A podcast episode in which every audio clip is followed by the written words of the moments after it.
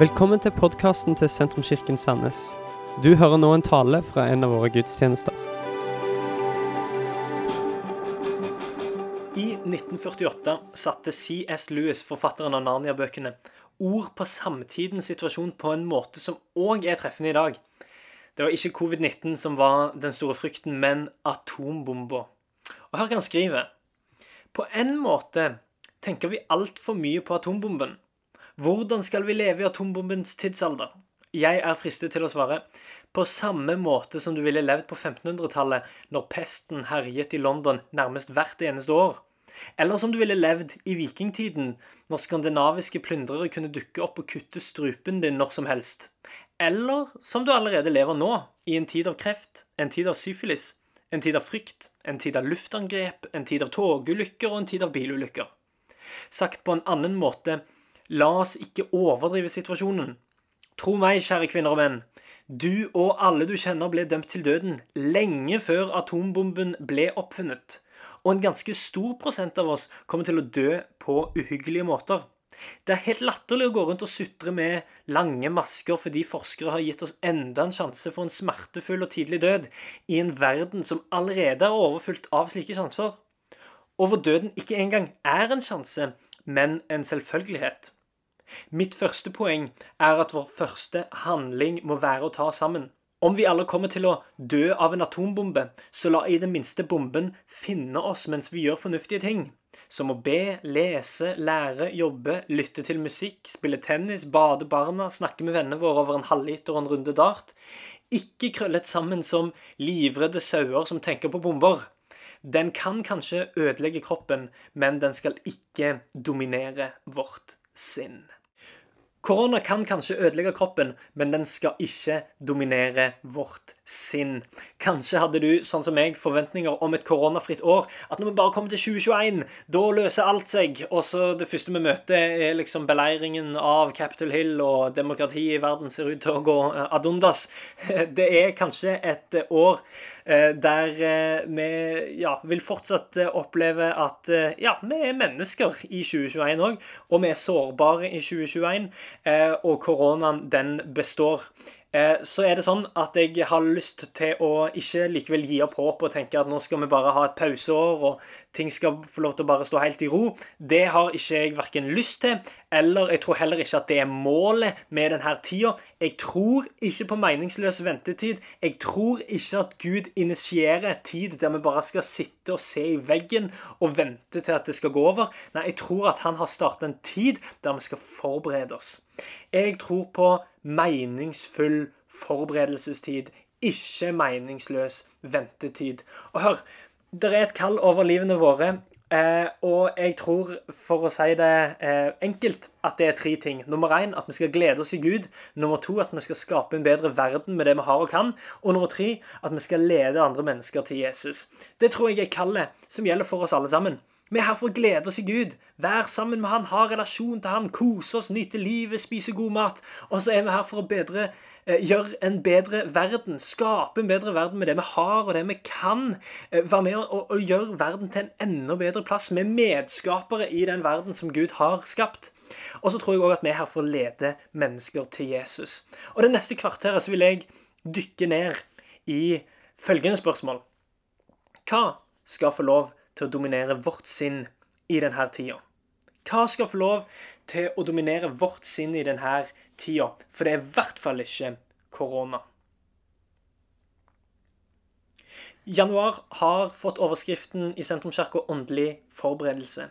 Og Det er fordi vi ønsker å starte året med bønn og faste og fokus på Jesus. Og vi ønsker på en sånn særlig måte å henvende oss nå i begynnelsen av året Eh, til han i tro om at han vil velsigne resten av året. Og disse søndagene så fokuserer vi på noen av Bibelens litt sånn utpregede karakterer, og vi ser på deres kall og forberedelse. Og i dag så skal vi helt tilbake til andre Mosebok. Så hvis du har en bibel, så kan du jo bla eh, opp. Hvis ikke, så har jeg en bibel her. Hører dere disse fine bibellydene? Og det er deilig å føle at en er i kirka. Føler du at du er i kirka nå? Ja, nå følte jeg jeg var i kirka. Andre Mosebok kapittel 3. Eh, jeg skal lese fra vers 10 her øyeblikk, men jeg har lyst til å gi deg litt kontekst først. Sånn at du henger med på notene her. Eh, for det som er dealen For å gjøre en veldig lang historie ytterst kort, så har jeg lyst til å begynne fra Adam og Eva. Fordi eh, de er jo òg et bilde på eh, hvordan hele menneskeheten egentlig er. Vi er mennesker som har lyst til å gå vår egen vei. Vi er skapninger som har lyst til å rive oss løs ifra det som egentlig er godt for oss, nemlig relasjonen til Gud. Og fra den dagen Adam og Eva gikk sin egen vei, så har det egentlig bare vært en nedover spiral med deres egne barn som tar livet av hverandre, og eh, nedover linjene så blir det egentlig bare verre. Så kommer vi helt til en du, da, som heter Abraham. Og Abraham var på ingen måte en perfekt fyr, han heller. Eh, men Gud han eh, ga Abraham et løfte. Og løftet var at han skulle få lov til å bli far til mange folk. Eh, og at han skulle velsigne gjennom Abrahams familie og gjennom eh, hans slektninger så skulle han velsigne hele verden. Alle verdens nasjoner skulle bli velsigna gjennom Abrahams etterkommere. Eh, og Abraham får noen barn etter hvert. Han får også noen barnebarn og noen oldebarn. Og så er det nettopp oldebarnet hans, Josef, som etter mye om og men kommer seg opp og fram, og til slutt så blir han nestkommanderende i Egypt. Bare farao har mer makt enn Josef på et tidspunkt da. Eh, alle etterkommerne av Abraham får eh, mulighet til å komme inn i Egypt og få lov til å leve der. Der er det overflod av mat og vann og det de trenger. Eh, og mm, de lever der ganske lenge. I 400 år holder de koken der. I Egypt. De får lov til å praktisere troen sin. Og israelittene, som de nå er blitt kalt, de får lov til å leve et ganske behagelig liv, egentlig, i Egypt. Men så tar det en brå vending etter ca. 400 år, når eh, farao, deres nye farao, da eh, lurer på hvorfor i all verden har israelittene sånne særegne eh, kår i landet vårt. Det kan umulig være en god idé på sikt. Eh, og han er redd for at israelittene, som er veldig fruktbare og veldig suksessfulle, skal få for mye makt og eh, ta over hans kongedømme. Eh, og det som skjer da, det er at denne faraoen her bestemmer seg for å gjøre alle israelittene til slaver, og de lever i grusomme omstendigheter. Eh, og han bestemmer seg til og med for å ta livet av alle barn, alle guttebarn eh, som blir født. Så det er i på mange måter historiens antiklimaks at eh, vår Moses trer inn. Og vi skal lese fra kapittel 3, vers 10, eh, etter Gud har møtt Moses i en brennende busk og sagt at du er den som skal lede mitt folk ut av Egypt. Og hør hva eh, Moses da svarer eh, ifra vers 11 tar vi. Moses sa til Gud, 'Hvem er jeg? Kan jeg gå til farao og føre israelittene utover Egypt?' Og han svarte, 'Jeg vil være med deg.' Dette skal du ha til tegn på at jeg har, eh, på at det er jeg som har sendt deg. Når du har ført folk ut av Egypt, skal dere tjene Gud på dette fjellet. Og da sa Moses til Gud, sett at jeg går til israelittene og sier til dem, deres fedres Gud har sendt meg til dere, og de så spør meg, hva er hans navn? Hva skal jeg da svare dem? Og Gud svarte Moses, jeg er den jeg er. Og han sa, slik skal du svare israelittene, jeg er har sendt meg til dere. En litt kryptisk eh, greie. Vi kommer tilbake til det, men la oss hoppe til kapittel 4, vers 1. Moses svarte, men sett at de ikke tror meg og ikke hører på meg, men sier Herren har ikke vist seg for deg. Herren sa til ham, hva har du i hånden? En stav, svarte han, kast den på jorden, sa han. Og Moses kastet den på jorden, og staven ble til en slange, og Moses flyktet for den. Herren sa til Moses, rekk ut hånden og grip den i halen. Så rakk han ut hånden og grep den, og den ble til en stav i hånden hans. Fra vers 10 her. Men Moses sa til Herren, Herre, hør, jeg har aldri vært noen ordets mann, verken før eller nå, etter at du har begynt å tale til din tjener. Sen er min munn, og sen er min tunge. Og da sa Herren til ham, hvem gir mennesket munn? Hvem gjør stum eller døv, seende eller blind? Er det ikke jeg, Herren? Gå nå, jeg skal være med din munn og lære deg hva du skal si. Men han sa, Herre, hør, Send heller en annen. Og da ble Herren brennende harm på Moses og sa, har du ikke din bror Aron levitten? Jeg vet at han er flink til å tale. Han er allerede på vei for å møte deg, og han vil glede seg av hele sitt hjerte over å se deg. snakk med ham, og legg ordene i munnen på ham, så skal de være både din være med både din munn og hans munn og lære dere hva dere skal gjøre. Og han skal tale til folket på dine vegne, og han skal være som en munn for deg, og du skal være som en gud for han. Ta denne staven i hånden, med den skal du gjøre tegnene. Wow, en fantastisk historie. Kanskje har du sett 'Prinsen av Egypt', verdens beste barnefilm, kanskje verdens beste film generelt, eh, og eh, fått med deg magiske, dette magiske møtet eh, der Moses altså møter Gud i eh, en brennende busk. Og De neste minuttene så har jeg lyst til å se på den, disse tekstene som vi akkurat har lest her. Og så har jeg lyst til å ta deg gjennom et par ting. For jeg vet jo ikke hvordan din koronahverdag ser ut, så jeg kan bare snakke for meg sjøl. Men min eh, består av det som kan oppleves som meningsløs ventetid. Men så har vi allerede etablert, eller i hvert fall så har jeg påstått, at jeg tror ikke Gud har det for oss. Jeg tror han har meningsfull forberedelsestid for hver enkelt en av oss. Moses han levde jo bokstavelig talt i en ørken når Gud møtte han. Og Kanskje så er det ikke så dramatisk for deg at du vil si at nå lever du i en ørken, liksom, men kanskje så tenker du sånn. Og kanskje så har vi alle sammen opplevelsen av at nå er det tørt. Nå er det trått. Nå, nå, har, vi, nå har denne dugnaden vart i overkant lenge. Kan vi få lov til å møtes igjen? Kan vi få lov til å se hverandre igjen? Stå i tilbedelse, løfte opp navnet Jesus, være i Guds hus? Vet du hva, Jeg elsker denne historien, for det var nettopp bokstavelig talt i ørkenen. Og i historiens antiklimaks at Gud gjorde noe. Og hvis vi ser gjennom verdenshistorien, så ser vi at det igjen og igjen da Gud møter sitt folk, når vi har det på vårt tørreste, på vårt mørkeste, på vårt svakeste. Det er et par ting som jeg tror av hele mitt hjerte at Gud vil vise deg denne koronatida, denne ventetida. Denne forberedelsestida. Og nummer én, jeg tror han vil vise deg hvem han egentlig er. Han vil vise deg hvem han egentlig er. I samtalen mellom Moses og, og Gud i denne brennende busken, så, så spør altså Moses hva skal jeg si? Når jeg kommer til Israel, når jeg kommer til ditt folk, hva skal jeg si? Hvem skal jeg si har sendt meg? Og her kan han si Gud svarer han 'Jeg er den jeg er'. Og det hebraiske navnet, altså 'jeg er', det henger sammen med verbet eh, på hebraisk 'å være'. Egentlig sagt på en annen måte, det Gud sier, er 'jeg er den som er'. Altså, han er den som alltid har vært. Han er den som alltid vil være Vær. Han er i går, han er i dag, han er i morgen. Han er den evige. Han er over alt og alle. Jeg er, eller Yahweh, som er det, navnet som Gud får i Gamletestamentet. At han er den som er. Jeg er den jeg er. Og Hvis vi spoler et par tusen år, så møter vi en annen fyr som går rundt og bruker dette navnet om seg sjøl når han sier 'Jeg er' livets brød.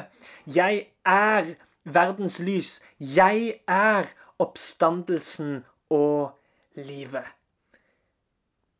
Moses møter Gud i en busk. En Herrens engel, står det, i en busk. Det som er interessant, er at denne engelen sier 'ta av deg på føttene', fordi du står på hellig grunn. Vet du hva, Det er det eneste møtet med det som eh, er en engel, der faktisk engelen sier du må ta av deg på føttene, fordi du står nå oppi hellig grunn. Det som er interessant, er at denne stemmen, dette møtet, er ikke bare med en eller annen random engel. Nei, eksperter og bibelkommentatorer vil si at Moses møter her den preinkarnerte versjonen av Jesus. Hvorfor det? Jo, nettopp fordi at han bruker dette navnet. Yahweh, jeg er. Moses han visste jo om Gud. Men det er forskjell på å vite om Gud og kjenne Gud. Det er forskjell på å vite om en eller annen person og kjenne den personen. Altså, det er mange som vet om eh, Erna Solberg, men ikke så mange som kjenner henne. Eller det kan godt være hun har mange venner, altså. Men, men, det er forskjell på å vite om noen folk og, og, kjenne folk. Og det er klart at Moses han visste jo om Gud. Han, han visste om at det fantes en gud over Israel. Men det å faktisk bli kjent med denne guden, det gjorde hele forskjellen for Moses. I ørkenen, på det tørreste, på det mørkeste, så oppdager Moses hvem Gud egentlig er. Han er 'jeg er'. Han er den evige. Og, og, og min bønn i denne koronatida for deg, det er at du skal gå fra å vite om Gud til å faktisk bli kjent med han. At du skal gå fra å, å bare ha liksom en tanke eller en idé om hvem Gud er, til å faktisk få et personlig møte med Jesus som forandrer deg for alltid. Og hva, Det leder meg til mitt andre punkt her. Hvis mitt første er at han viser deg hvem han, er, hvem han egentlig er. Og det leder meg faktisk til mitt andre poeng her. For jeg tror at Gud i koronatida her vil vise deg ikke bare hvem han egentlig er, men òg hvem du egentlig er. Han vil vise deg i denne tiden hvem du egentlig er. Og etter man har oppdaga hvem Gud egentlig er, så er svaret på hvem vi egentlig er, litt uh, mer synlig for oss. Moses mener jo at Gud har valgt ut feil fyr. sant? For Guds kall er uansett større enn vår egen flinkhet. Og det har vi sett gjennom hele historien. At Gud velger folk, og Gud kaller på folk. Og så ser vi at disse menneskene som han velger, det er jo ikke perfekte folk. Det er jo folk som òg nesten protesterer på at 'nei, jeg er feil person'. Jeg elsker når, når, når faktisk Moses eh, får muligheten til å stille noen spørsmål tilbake til liksom det, det sinnssyke oppdraget som Gud har gitt ham, så sier han 'Hvem er jeg?' Altså, vet du, vet du, hvem jeg er? Hvem er jeg? For at jeg skal lede ditt folk utover Egypt, hvem tror du egentlig at jeg er? Og han har mange unnskyldninger. Han sier 'jeg er dårlig med ord', 'jeg er jo bare en gjeter', 'jeg har jo bare en stav', send heller noen andre. Men så elsker jeg at Guds svar på alle unnskyldningene de henger sammen, ikke med Moses sin karakter, men Guds sin karakter. Når Moses sier 'Hvem er jeg?', så sier bare Gud 'Jeg går med deg'. Han svarer ikke engang på spørsmålet. Han sier 'Jeg går med deg'. Når Moses sier 'Men jeg er dårlig med ord', så sier Gud 'Ja, men jeg gir deg ordene'. Når Moses sier 'Folk vil ikke høre på meg', så sier Gud 'Ja, men hva har du i hånda?' Og det er en interessant ting, for det er klart at på dette tidspunktet så er det ikke sånn at, at liksom at, at, Moses ser på staven han har i hånda og sier 'Å ja, jeg har jo en stav', ja, men det er klart, nå går det bra'. Nei, når, når, Gud spør dette spørsmålet, hva har du i hånda, så er det nesten, sånn, nesten et hån mot Moses. Jeg har jo bare en stav. Skjønner, du, skjønner, du, hvem jeg er, Gud? Jeg har jo bare en stav. Det er jo bare den jeg er. Jeg er jo en gjeter. Alt jeg basically, bokstavelig talt har, er den her staven. Hvem tror du at jeg er? Alt jeg har, er en stav.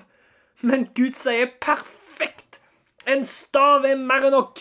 En stav er alt vi trenger for å gjennomføre alt det jeg har kalt deg til. Og vet du hva, Jeg tror kanskje det er dette som oppsummerer hele historien om Moses. Det er at det store spørsmålet er jo ikke hvem er Moses? Det store spørsmålet er hvem er det som går med han? Og vet du hva, det, det samme kan vi spør, eller hva vi sier til oss sjøl. Det store spørsmålet er ikke hvem er jeg? Det Spørsmålet er hvem går jeg sammen med? Hvem er det som er med meg?